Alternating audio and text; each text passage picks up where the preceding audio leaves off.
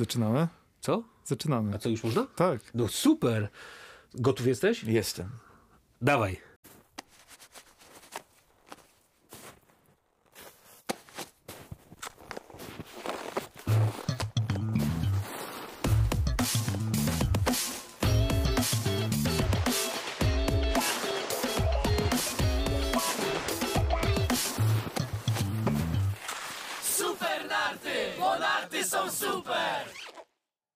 Zapraszam do odsłuchania 11 już odcinka podcastu Super Narty, bo narty są super. Sezon narciarski 2022-2023 już chyba definitywnie uważamy za zakończony. Dla nas na pewno. W Dla Tatrach jeszcze jest pewno. śnieg. Tak? Jeszcze, jeszcze się da? Tak. Okej. No u nas nawet natury ciężko wyjść, nie? No. W związku z tym chcieliśmy poruszyć temat dbania o swój sprzęt i tego, co zrobić, żeby sprzęt dalej nam służył na następny sezon. Zaprosiliśmy do nas do studia Jacka Badura, Cześć. Który jest wieloletnim instruktorem, serwisantem, zawodnikiem, trenerem. Czy coś pominąłem? Nie, chyba wszystko. I i wszystko z sukcesami. Jacek to jeden wielki sukces. Dlatego go zaprosiliśmy. Chciałem zacząć od głupiego pytania. Po co w ogóle serwisować sprzęt? Żeby jeździł. Dobrze, żeby nam służył. Na pewno, żeby służył, ale nie serwisujemy, przynajmniej moim zdaniem, nie tylko po to, żeby jeździć szybciej, co wydawałoby się zupełnie naturalnym celem, targetem, jak się to dzisiaj mówi. I ja uważam, że odpowiednio przygotowany sprzęt przede wszystkim zabezpiecza nam, oj, powtarzam się, zabezpiecza nam bezpieczeństwo. Po prostu Okej. sprzęt, który jest zrobiony, jest przewidywalny, a jak jest przewidywalny, to łatwiej nam o zachowanie bezpieczeństwa. No ja tu y, porównam, tak jak to już parę razy robiłem, czyli porównam do samochodu. No nie da się jeździć samochodem, o którego nie dbamy. Znaczy da się, tylko zaczyna się pojawiać ryzyko, że nie dojedziemy albo nie, ten samochód nie zapewni nam y, bezpieczeństwa w każdym momencie. Ani hamulce, ani gaz, ani sprzęgło. Wszystko musi działać. I na nartach tak samo. W nartach mamy dwa podstawowe elementy, o które dbamy. Trz- Trzy. Ślizg, krawędzi i wiązania. Zgadza się. I, I te trzy elementy wpływają na to, czy będziemy czerpać przyjemność, a przy okazji, czy bezpiecznie będziemy mogli nad nartami zapanować. To prawda, ale żeby serwisować narty, trzeba mieć wiedzę. Trzeba wiedzieć, jakie to czynności wykonane przy nartach, jak, jak te czynności, które wykonujemy przy nartach, wpływają na to, co odczuwamy w trakcie prowadzenia tych nart. Na ile możemy je po prostu kontrolować. Ja wiem, że dla przeciętnego zjadacza chleba to, to są jakieś kosmiczne w ogóle tematy i ludziom się wydaje, że, że to nie ma żadnego wpływu, ale zapewniam, zapewniam, że ma. Takie drobiazgi jak y, zmiana kąta krawędzi, choćby i o pół stopnia, y, może radykalnie wpływać na to, jak panujemy na, nad nartami. Myślę, że zgodzisz właśnie- się ze mną, Marcin. E, Nie mogę się nie zgodzić, halo. ale, ale zaczęło się bardzo mądrze i tak, tak bardzo To poważnie. właśnie, właśnie czym się różni tak dla laika jazda na dobrze serwisowanych nartach od tych źle serwisowanych? Jedna narta fajnie jedzie, druga nie. Dla większości osób zauważalne są dwie rzeczy. Z kolegą, koleżanką, rodziną stoimy na nartach na, najczęściej na płaskim stoku, zaczynamy jechać, jednej narty, jedne narty zaczynają jechać szybciej, drugie wolniej. To pokazuje, że jeden ślisk jest szybszy, drugi wolniejszy. Druga, drugi, drugi moment, w którym bardzo mocno odczuwamy, czy narta jest dobrze przygotowana, to jak jest stromiej i zaczyna się twardo nie mówiąc już o lodzie, tak zwanym lodzie. I wtedy brak naostrzonych krawędzi, nawet mimo dużej umiejętności jazdy na nartach narciarza, y, te narty nie będą chciały trzymać, nie będą chciały być sterowne. Tak, ale to jest efekt, którego możemy się, można powiedzieć, spodziewać. Natomiast jest też efekt odwrotny. Za ostra narta, ze złymi kątami i miękki śnieg. Moim zdaniem to jest nawet jeszcze gorsze, bo na lodzie to my się ewentualnie obsuniemy, jak nie jest specjalnie stromo, nie ma prędkości, no to jakoś tam się obsuniemy na boku i jakoś się uratujemy, prawda? Natomiast jeżeli jest miękko i łapie nam krawędź narty, to bardzo często określamy to, że narta nas wiezie do lasu. I to jest bardzo niebezpieczne i myślę, że nawet w takich warunkach o kontuzję jest jeszcze łatwiej. Także jeszcze raz powtarzam, trzeba wiedzieć, co się z tymi nartami robi, żeby czegoś takiego uniknąć. Przy czym z mojego doświadczenia serwisanta wynika, że nie ma czegoś takiego a może nie do końca, nie ma czegoś takiego jak uniwersalne przygotowanie narty, żeby ona w każdych warunkach jeździła. Oczywiście, że, że w serwisie, gdzie nie trafiają zawodnicy, przygotowuje się narty, nie wiedząc, kto właściwie dokładnie będzie na nich jeździć, w jakich warunkach, na co trafi, prawda? Więc trzeba jakoś tam uśrednić to przygotowanie tej narty. I pewnie w 90, może w 90% przypadków to, to uśrednione zrobienie narty sprawdza się. Ale mam w swoim, w swoim portfolio takie również wyniki, jak dzwoniono do mnie w godzinach porannych gdzieś z Włoch, że ktoś nie może skręcić na tych nartach. No nie może, bo narty były ostre, ostre, a akurat były, przyświe, y, świeciło No. słoneczko, państwo wyszli w południe, była ciapa po kolana, no i się okazało, że te narty nie skręcają. No, takie rzeczy są trudne do przewidzenia. Niemniej jednak uważam, że jakieś tam średnie przygotowanie narty rozwiązuje problem, no myślę, że w 95% przypadków. Ale wydaje mi się, że teraz strasznie utrudniłeś. Te 90% osób, o których mówisz i myślę, że zdecydowana większość warunków, jakie panują na stokach wszelakich, wymagają po prostu posmarowanej narty i krawędzi, tej nazwijmy to uśrednionej. Czyli lekko podwieszone krawędzie od dołu, nie za ostre po bokach, czyli gdzieś tam okolicach 88, a od spodu pół stopnia. I to jest narta, która będzie działała. Tak.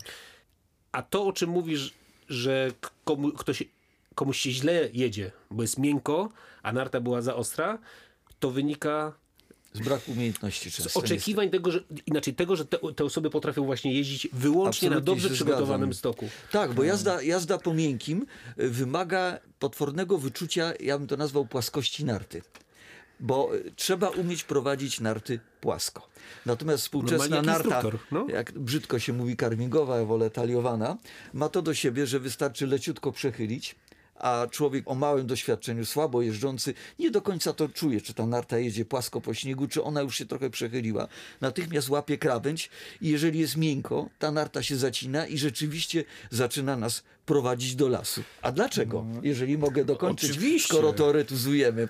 Ano dlatego, że y, narta postawiona na krawędzi taliowana zaczyna nam wycinać łuk dokładnie taki, jaki wynika z geometrii tej narty. Z promienia skrętu, nie? Z promienia z tego, że- skrętu.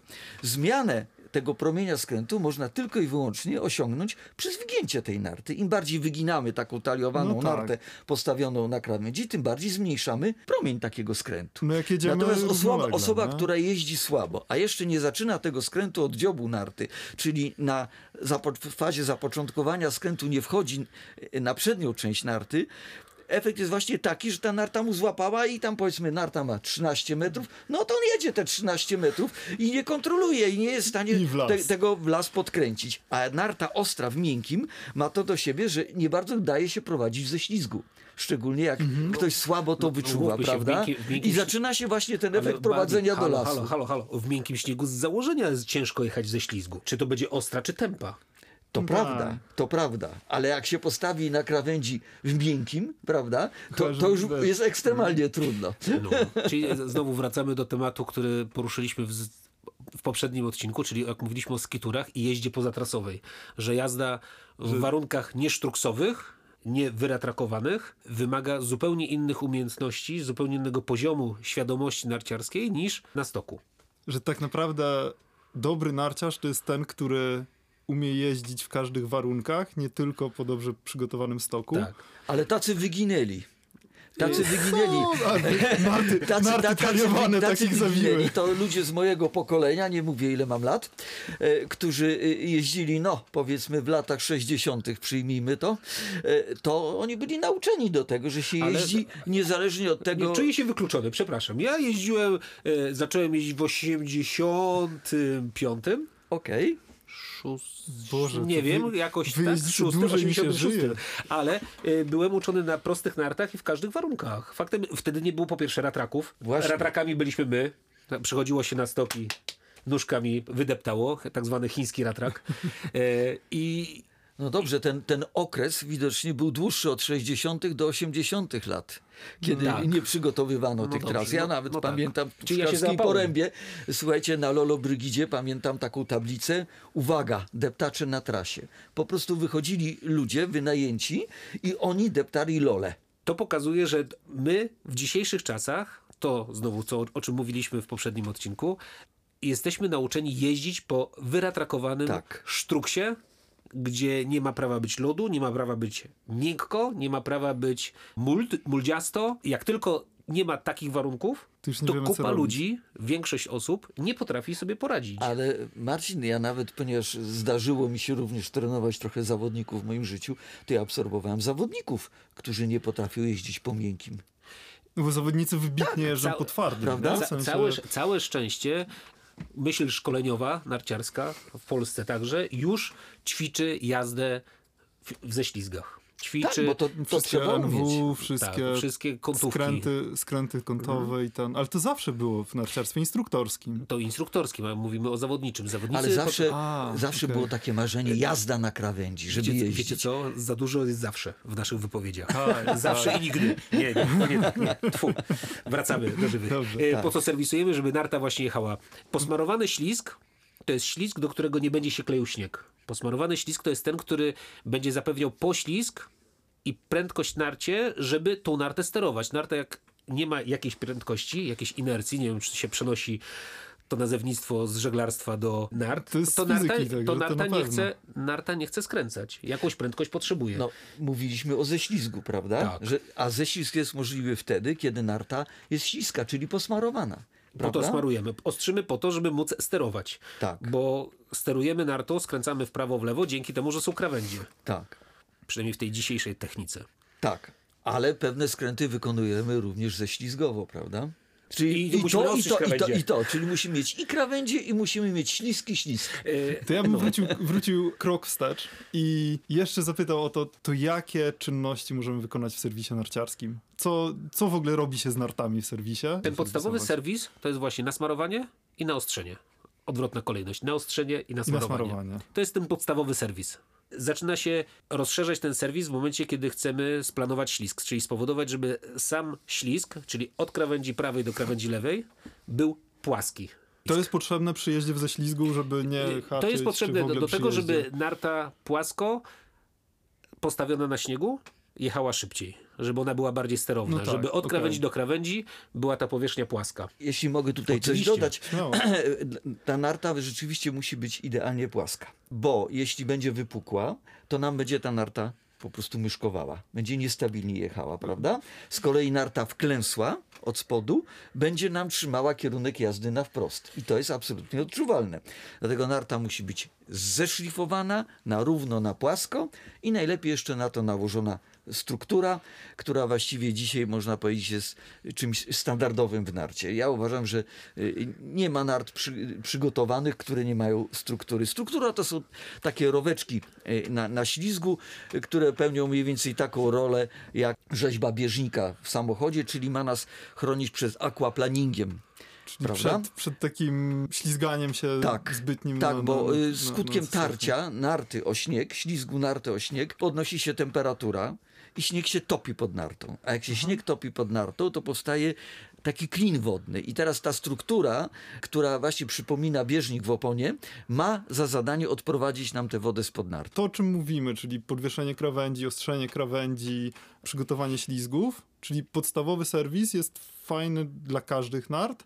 I teraz ja zawsze się zastanawiałem, na ile różnicę robi właśnie struktura, czy już podwieszenie krawędzi na odpowiedni kąt i jakieś takie rzeczy, na ile to różnicę robi bardzo zaawansowanym narciarzom i zawodnikom, a na ile to rzeczywiście zmienia coś w jeździe takich Ja ludzi, którzy przeciętnie jeżdżą na Ja stoku. znowu pójdę w kierunku samochodu. Samochód sportowy, który nie ma absolutnie żadnych luzów w układzie kierowniczym, w układzie zawieszenia. Silnik pracuje równiutko, reaguje na każdy ruch pedału gazu, hamulca. Skrzynia biegów dobrze zsynchronizowana i precyzyjna. I za kierownicą człowiek, który potrafi jeździć sportowo. I to jest samochód, który dojedzie szybko i sprawnie i bezpiecznie do mety po torze czy nie po torze. I drugi kierowca, drugi samochód. Samochód, który ma luzy, który nie w każdej działce jest dobrze przygotowany i kierowca, który jest po prostu, nazwijmy to kierowcą niedzielnym. Jeden i drugi dojedzie z punktu A do punktu B. Pada pytanie, co się zdarzy na trasie tego przejazdu, gdyby coś wyskoczyło na drogę? Czy ten jeden i drugi samochód będzie w stanie tak szybko zareagować? Czy jeden i drugi kierowca będzie potrafił zachować się w sytuacji trudnej? Jeden i drugi dojedzie do punktu ostatecznego, do punktu nieostatecznego, złe słowo, wytniesz do punktu ostatecznego, do, do celu.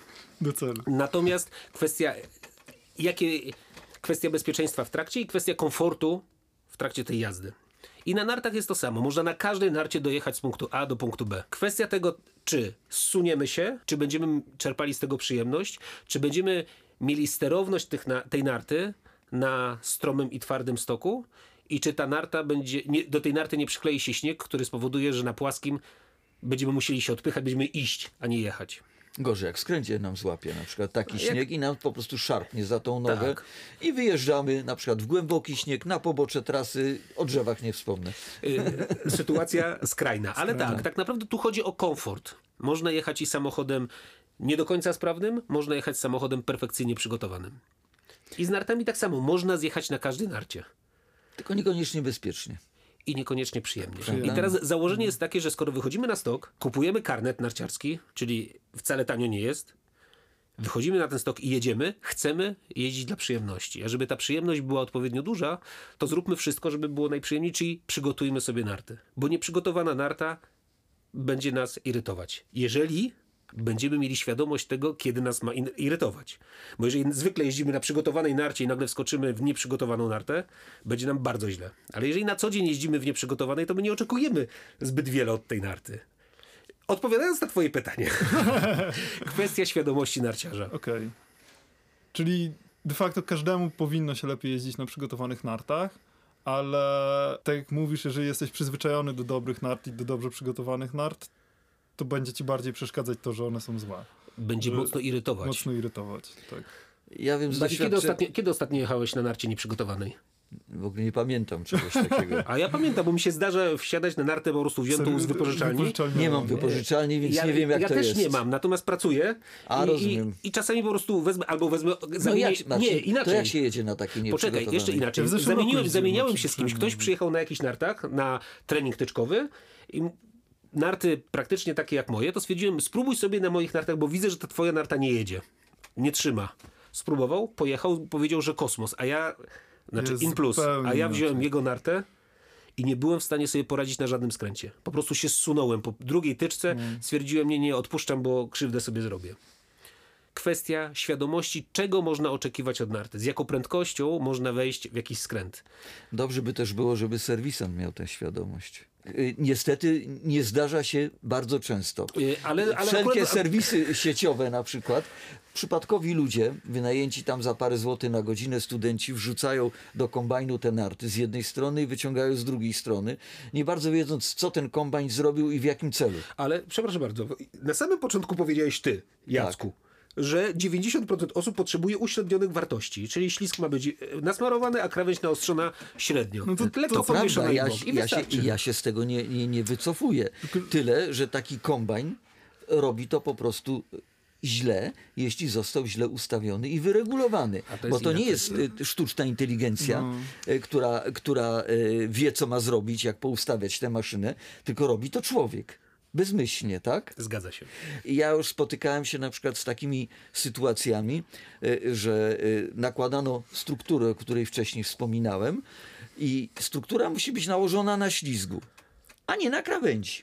Jeśli struktura, pod- jeżeli ktoś nakłada strukturę przy pomocy kamienia, tak zwanej ściernicy, można powiedzieć, nakłada również na niepodniesioną krawędź, bo to się właśnie wtedy dzieje, kiedy krawędź jest niepodniesiona, to ta struktura odbija się również na krawędzi, to się okazuje, że ta, taka krawędź powoduje, że właściwie ta narta w ogóle nie chce skręcać.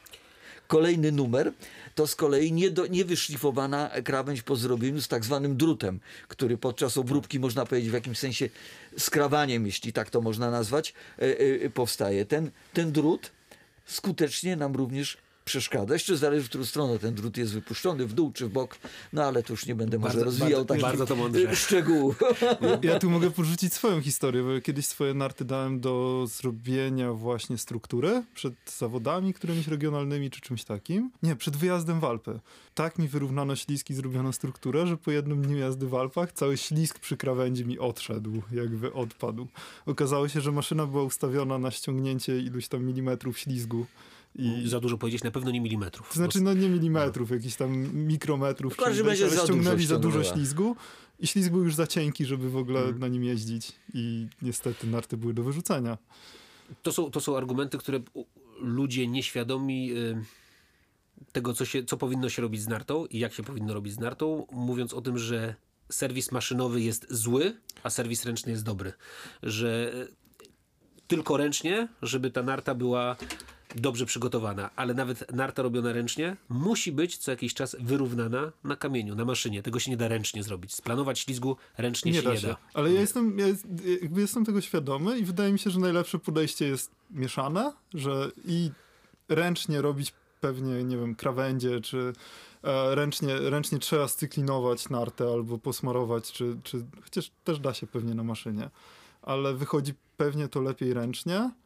Ale są rzeczy, których nie zrobisz ręcznie. Tak. Dokładnie tak jak mówisz, czyli nie, nie, nie No, zrobisz na pewno się struktury, nie da splanować i na nie- pewno się nie da struktury nałożyć ręcznie. Dokładnie. Natomiast krawędzie możemy zrobić tak czy siak i możemy schrzanić zrobienie krawędzi i ręczne i maszynowe. Czyli warto pójść do dobrego serwisu. Z pewnością. A po czym poznać dobry serwis? Powiem tak, na oko jest bardzo trudno, bo nie jesteśmy w stanie y, okiem uchwycić, jakie tam kąty nam y, ktoś pozakładał.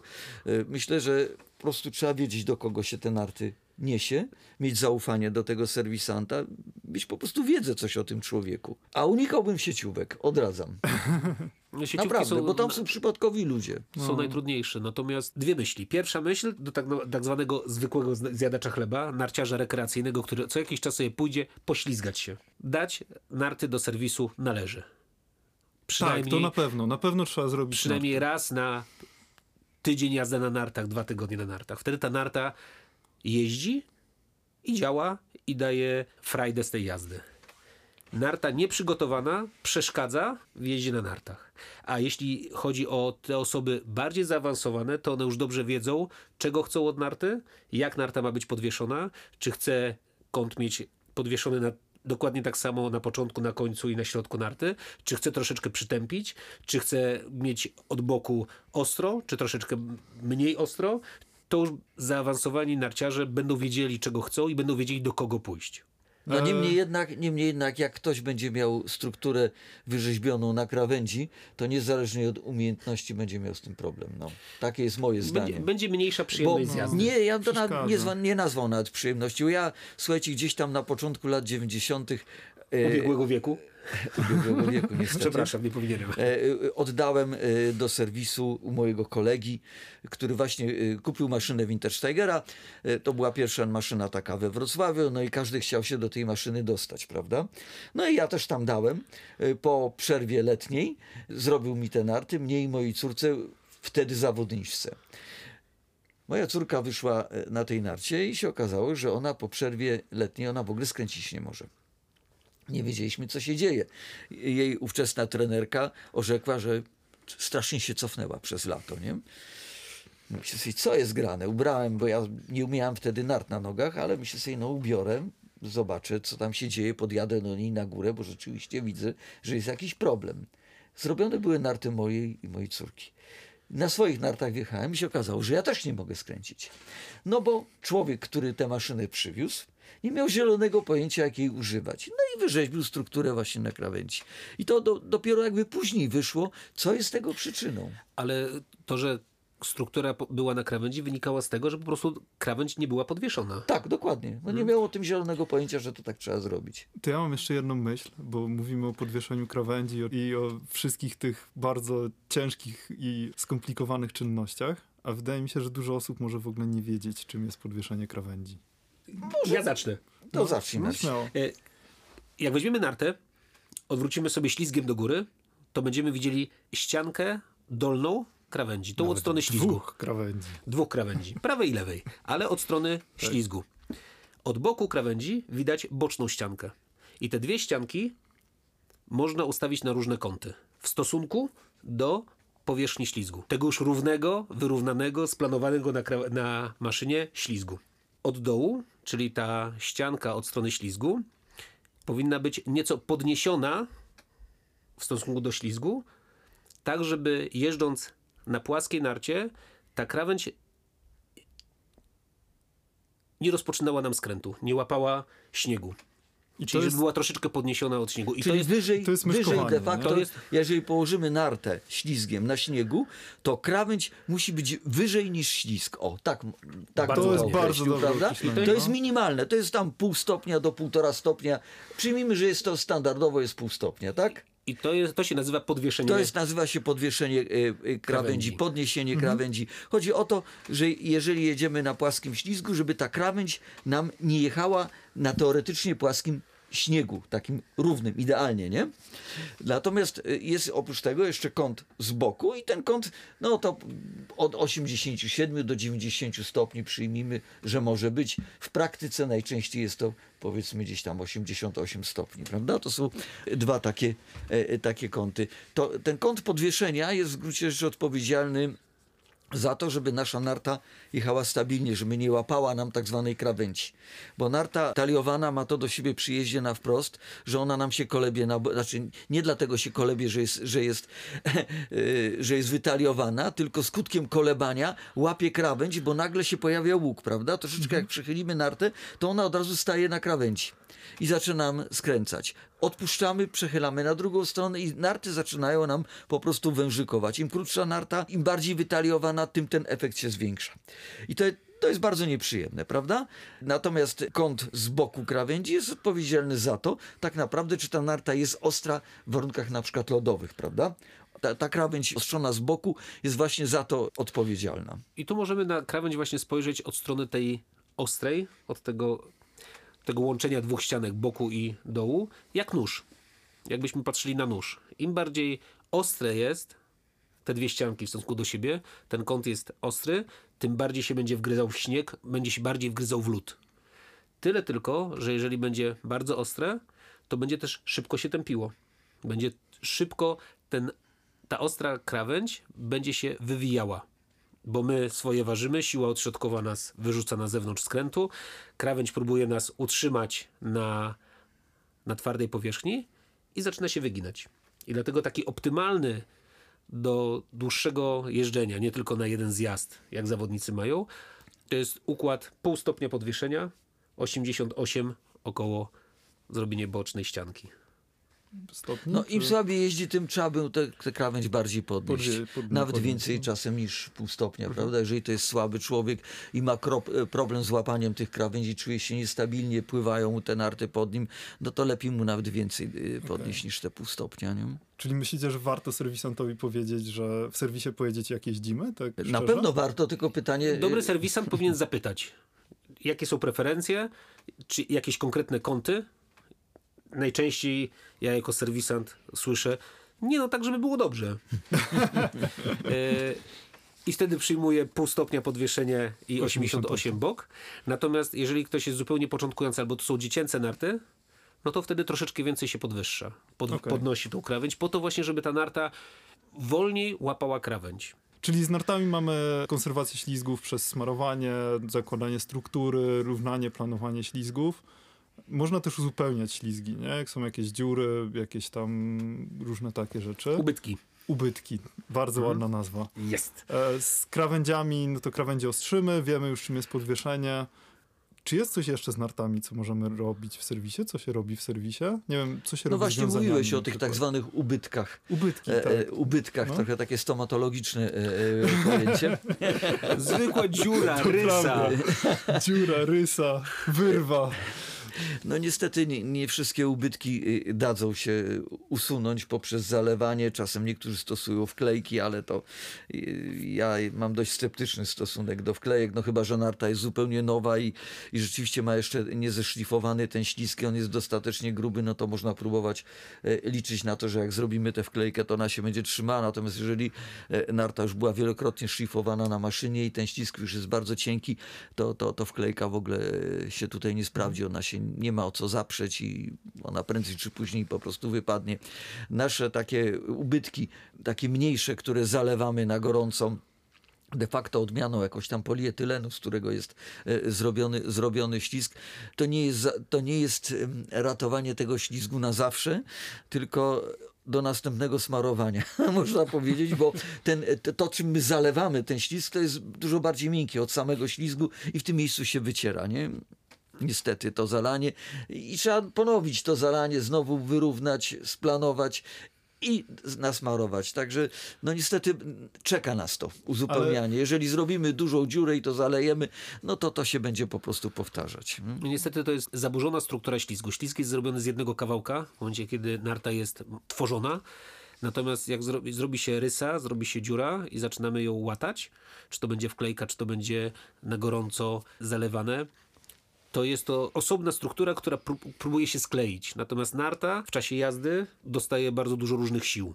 Tam działają, działają spore siły, cały czas występuje tarcie, wysoka temperatura, niska temperatura i ten, ten kofix, ten y, polietylen, o którym mówił Jacek, on po prostu się w którymś momencie wykrusza, odkleja.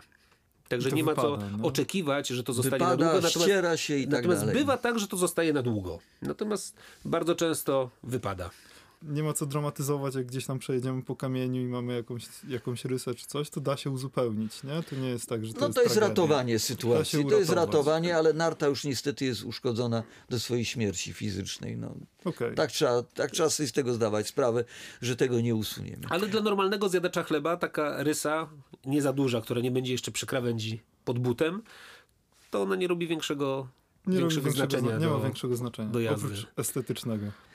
Jeśli można, to jeszcze chciałbym o, o smarowaniu powiedzieć, bo Śmiało. tak troszeczkę e, przejechaliśmy się, właściwie nie przejechaliśmy się, tylko ominęliśmy ten temat.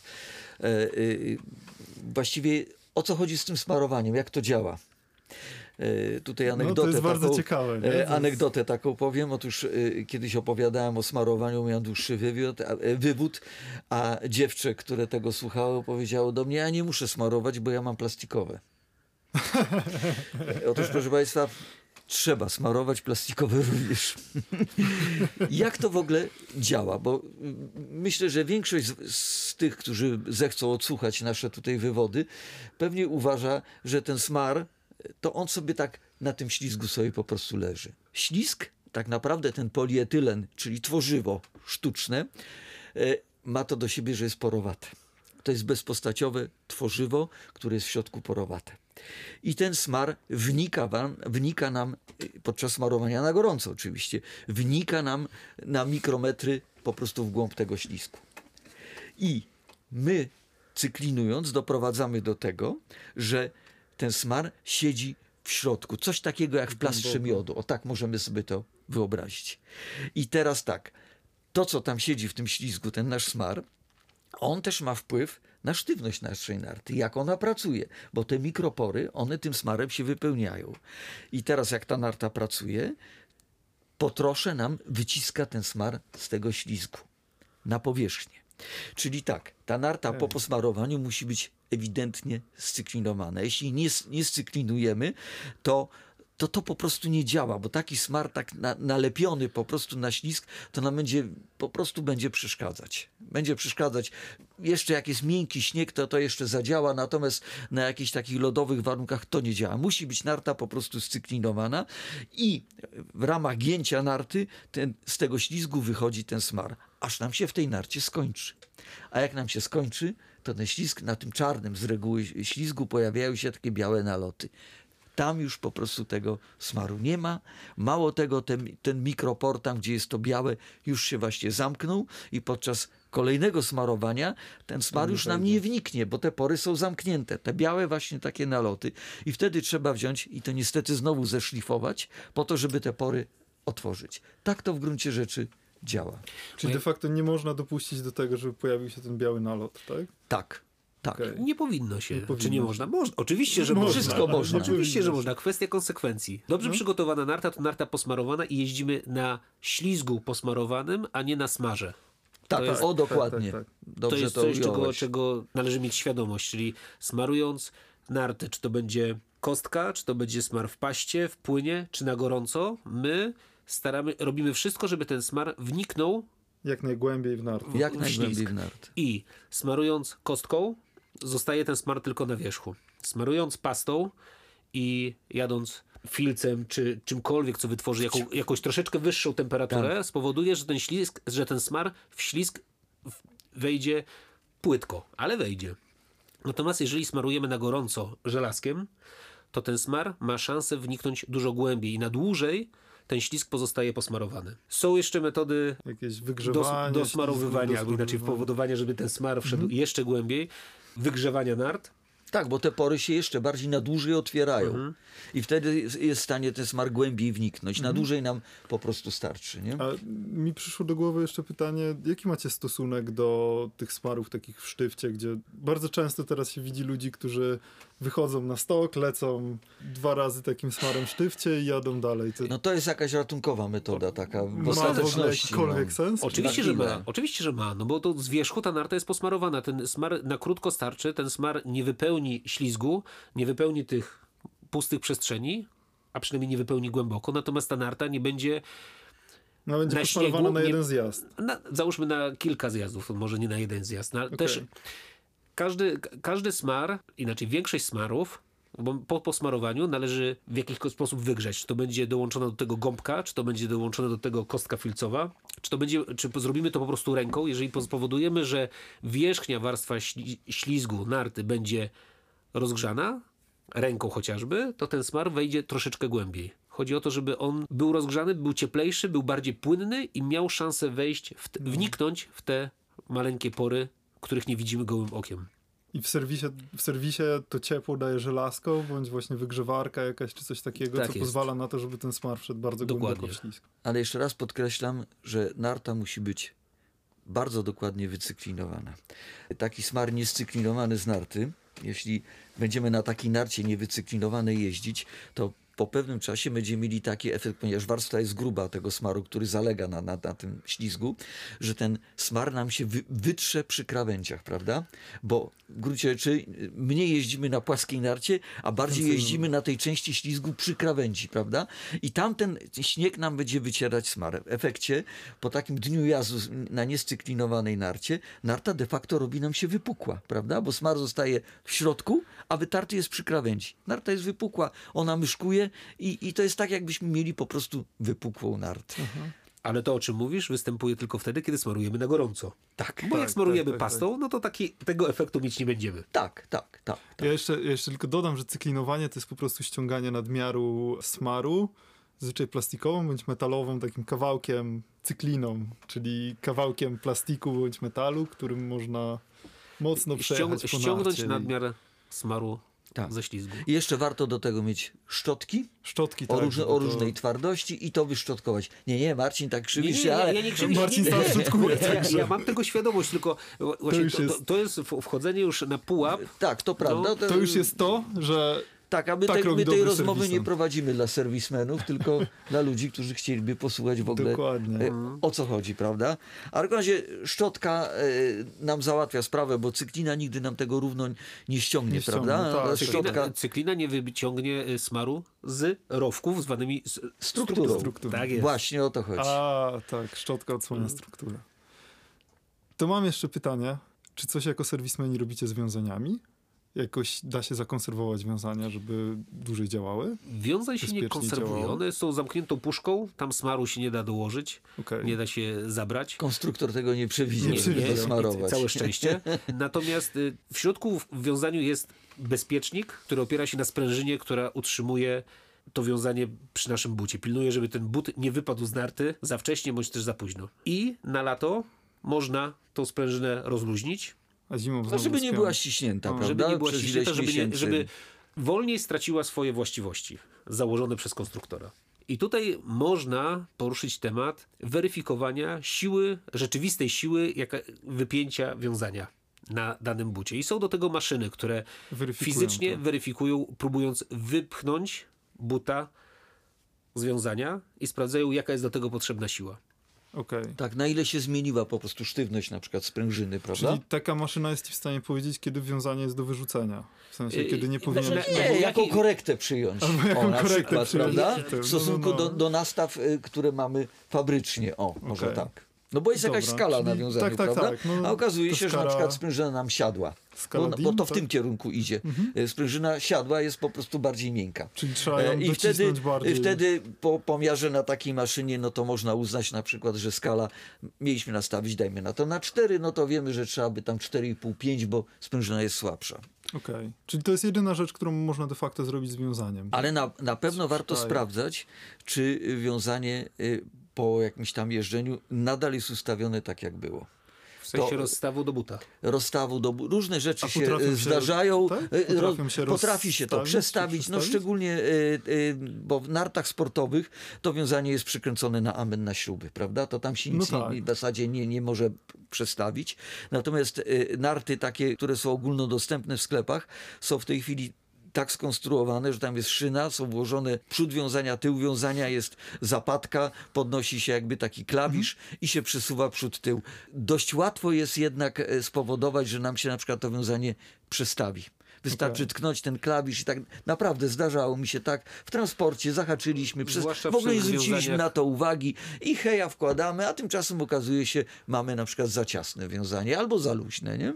Zwłaszcza czyli tak wiązaniach bywa. takich typowo rentalowych, czyli wypożyczalnianych, gdzie... No teraz praktycznie każdy jest Ale te, rentalowy, nie? faktycznie, jakiś czas temu te wiązania były w pewnym sensie przerabiane do tego, żeby było, było łatwo przestawialne i te wajchy pozwalające na przestawienie były łatwo bardzo łatwo dostępne. A teraz już praktycznie każde takie sklepowe wiązanie Jest łatwo- jest jest raczej praktycznie łatwo, rentalowe. łatwo? Także okej, to warto po prostu to sprawdzić, czy warto zapytać kogoś, jeżeli już ma nasze narty w ręku, poprosić, żeby to sprawdził, nie? A na ogół ludzie nie bardzo potrafią sobie, mimo że to jest proste, Ale regulacja wiązań wymaga Wymaga wiedzy. To wiedzy jest i bardzo ciężkie, nie? aby było to zrobione na pewno dobrze. No I bo od tego zależy bezpieczeństwo od tego zależy na startoku. bezpieczeństwo. Już trochę poruszyliśmy ten temat w przywiązaniach właśnie, jak zmierzyć zużycie wiązania, ale zastanawiam się, czy są jakieś oznaki, kiedy nartę, kiedy sprzęt trzeba wyrzucić. A jakie są znaki, że samochód należy wyrzucić?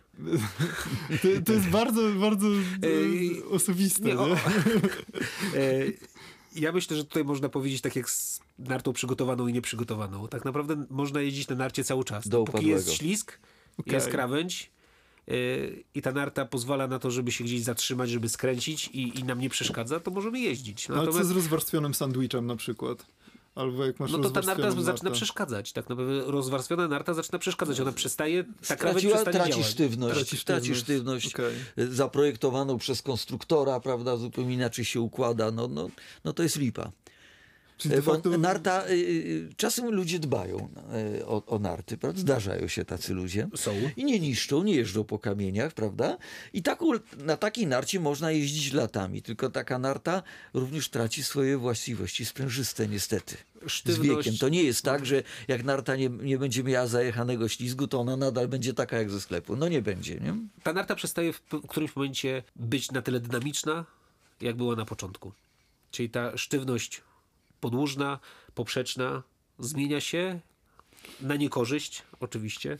I, i to, co działało jeszcze parę lat temu na stromym, po paru latach przestaje trzymać na stromym i twardym stoku. Bo ta narta już jest wyklepana. I tu po latach wykopałem z czeluści gdzieś tam piwnicy nartę, na której jeździłem w latach 90. Atomiki 10-11. Okej. Wykopałem je, przygotowałem, pojechałem na maszynie. Ja pamiętałem, że ta narta była niesamowicie sztywna i dawała mnóstwo frajdy.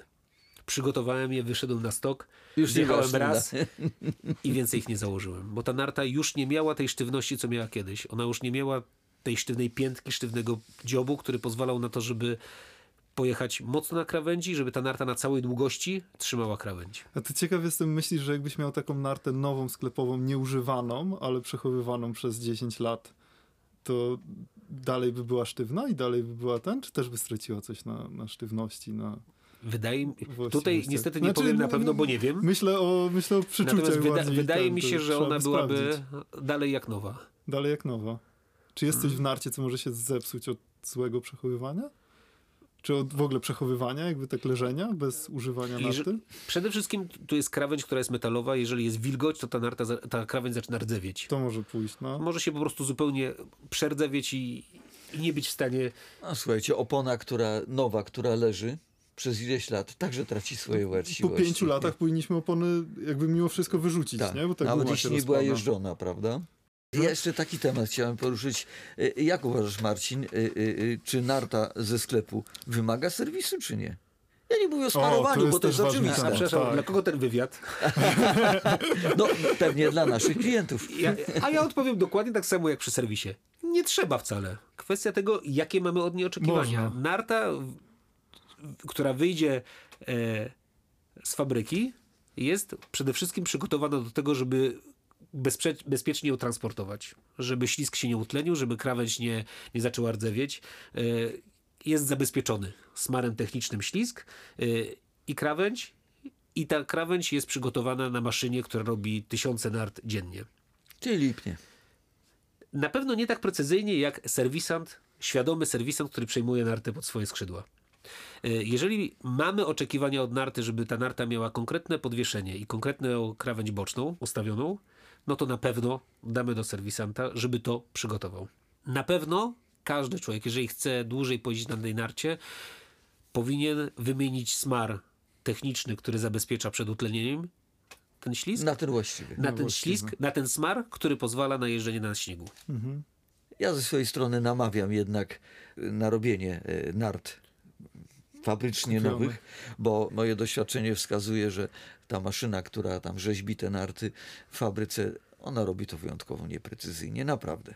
Ja bardzo często oglądam te narty i to niezależnie od tego, czy to jest narta z niskiej półki, czy narta tak zwana komórkowa, serwisowa, to, to te narty są zrobione po prostu tak naprawdę byle jak. Są, Takie- zrobi- są takie ja, zrobione mam do, ja, ja mam e, takie do tego podejście, ja nie akceptuję. A tak E, z ta- ciekawości one przychodzą już z podwieszoną krawędzią? Czy kiedyś Za- było tak, że zależy 90 losowo. stopni, Zależy od firmy, zależy od y, modelu narty. Okej. Bo kiedyś było tak, że były 90 stopni i nie była podwieszona i to się... Były czasy, kiedy zupełnie nie były nie? robione. Przyszedł taki moment, kiedy zaczęły być robione tylko niektóre grupy nart. W tej chwili wiele firm robi tak, żeby one miały teoretycznie jakiś konkretny kąt podwieszenia i boku. Natomiast przez to, że to robi maszyna faktycznie masowo, to nigdy nie ma tej precyzji, która jest przy tym detalicznym, nazwijmy to, przygotowaniu narty. Może jeśli mogę tutaj Proszę dodać, na czym polega ten brak precyzji y, y, w fabryce, y, jak się y, zakłada te kąty w tej narcie. Rzeczywiście zaczęto to robić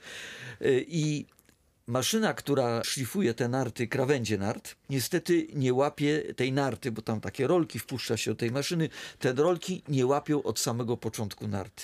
Tak naprawdę kąty w takiej narcie są dopiero jakieś 10-15 centymetrów od oddziobu narty. Czyli w efekcie ta najważniejsza część narty, która decyduje o tym, czy ta narta nam fajnie zaczyna skręt, czy nie, czy nam myszkuje, czy nam nie myszkuje, to tak naprawdę to wszystko się zaczyna po takim serwisie 15 centymetrów dalej. Czyli ten początek narty mamy po prostu ewidentnie, ten najważniejszy początek narty mamy po prostu zrobiony źle. Wierzcie mi, ja biorę, oglądam i widzę, że ten przód narty, te 15 centymetrów wygląda jakby ktoś to po prostu gumówką z ręki e, zrobił. Naprawdę. I widać, że po 15 centymetrach ta powierzchnia tej, e, tego, tego, tej krawędzi, ona po prostu ewidentnie się załamuje. Widać, że 15 centymetrów dalej zaczęło być to po prostu szlifowane, nie? A przód, te pierwsze 15, te najważniejsze jest po prostu do kitu. Czyli to miejsce, w którym największa siła działa de facto, najbardziej No, trzymamy. który decyduje działa. o tym, no, No, no, no. czy nam się dobrze na tym skręca, czy ta narta bo jeżeli mamy tam coś schrzanione pod butem i tak dalej, to, to, to jest to mniej ważne niż to, co jest na dziobie narty. Tam, gdzie się zaczyna Przynajmniej skręt. dla tych dobrze jeżdżących Dla tych dobrze narciarzy. jeżdżących narciarzy, Bo- dokładnie. nie chcę już rozwijać tematu, ale faktycznie warto nową nartę do- zrobić. Przede tak. wszystkim przesmarować nartę na gorąco i to nie raz, tylko serwisanci Im, im więcej, tym lepiej. dwa, razy. trzy razy. Chodzi o to, żeby ten smar techniczny, zabezpieczający został wyciągnięty, a w ślizg wszedł smar narciarski do zjeżdżania na, po śniegu, a krawędzie przygotować po to, żeby ta narta faktycznie dobrze trzymała i dawała frajdę z tej jazdy. Zwłaszcza jeżeli mamy świadomość narciarską jakąś i kupujemy sobie narty z wyższej półki. To chcemy, żeby ta narta nie tylko wyglądała, ale jeszcze dobrze jeździła. Także serwis jak najbardziej nowej narty wskazany. Jako, że kończy się sezon, to chciałem jeszcze poruszyć jeden temat. Chciałem się zapytać, czy macie jakieś takie rady, porady dla ludzi, jak przechowywać narty poza sezonem? I co w ogóle zrobić z nartami po sezonie, żeby nie trzeba było ich wyrzucić na następny sezon? Czy nie trzeba było Może- kupować nowych? Może wyrzucić to za duże słowo, ale żeby nie zirytować albo serwisanta, albo O, samemu się nie to zirytować, jak wyciągniemy dobry nartę z mokrego pokrowca po całym e, lecie z piwnicy, gdzie też sucho nie jest i ta narta ma ślizg, który wygląda tak samo w naszych oczach, a krawędź zamiast być metalowa, błyszcząca, to jest po prostu Jest e, pokryta z- piękną patyną. piękną patyną rdzy. I to najgorsze jest to, że bardzo często po jednym lecie potrafi być ta rdza bardzo głęboko w krawędzi. To prawda. I to jest największa chyba zmora, wilgoć dla narty. No, Wilgoć. Niestety e, przesmarowanie takie techniczne, nazwijmy to na lato, y, y, niestety nie zabezpiecza nam do końca tych krawędzi, jeśli będziemy trzymali w miejscu mokrym i ciepłym. Mo miejsce mokre i ciepłe powoduje, że potrafi nam niestety zardzewieć krawędź również pod tym smarem technicznym, który na to nałożymy. Ja przynajmniej e, tak u siebie to obserwuję, więc ja uważam, że, prze, że przede wszystkim trzeba zadbać o to, y, ż- żeby było sucho.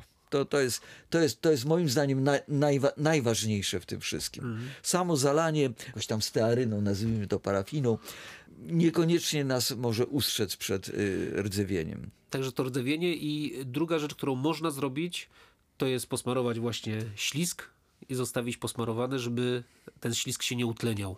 Tak, to Natomiast jeżeli na co dzień smarujemy, dbamy o ślisk, to ten ślisk na pewno nie jest wysuszony, zostawiając go na lato i nie powinno nic się dziać. Natomiast warto zadbać o to, żeby było sucho jeżeli i żeby ślisk nie był wysuszony przez całe lato, żeby ten ślisk nie stał się biały na jesień. Z tym, że jeżeli zalejemy taką nartę e, na lato, prawda, smarem, to ona często staje się później przekleństwem przed sezonem serwisanta, bo dostaje nartę, która pod smarem ma zardzewiałe krawędzie i tak naprawdę znowu wymaga e, zrobienia. Jest zalana tym smarem i teraz trzeba ten smar usunąć, wyczyścić do bólu, bo trudno skrawać tę krawędź, czy to przy pomocy pilnika, czy przy pomocy papieru ściernego w maszynie na przykład, prawda?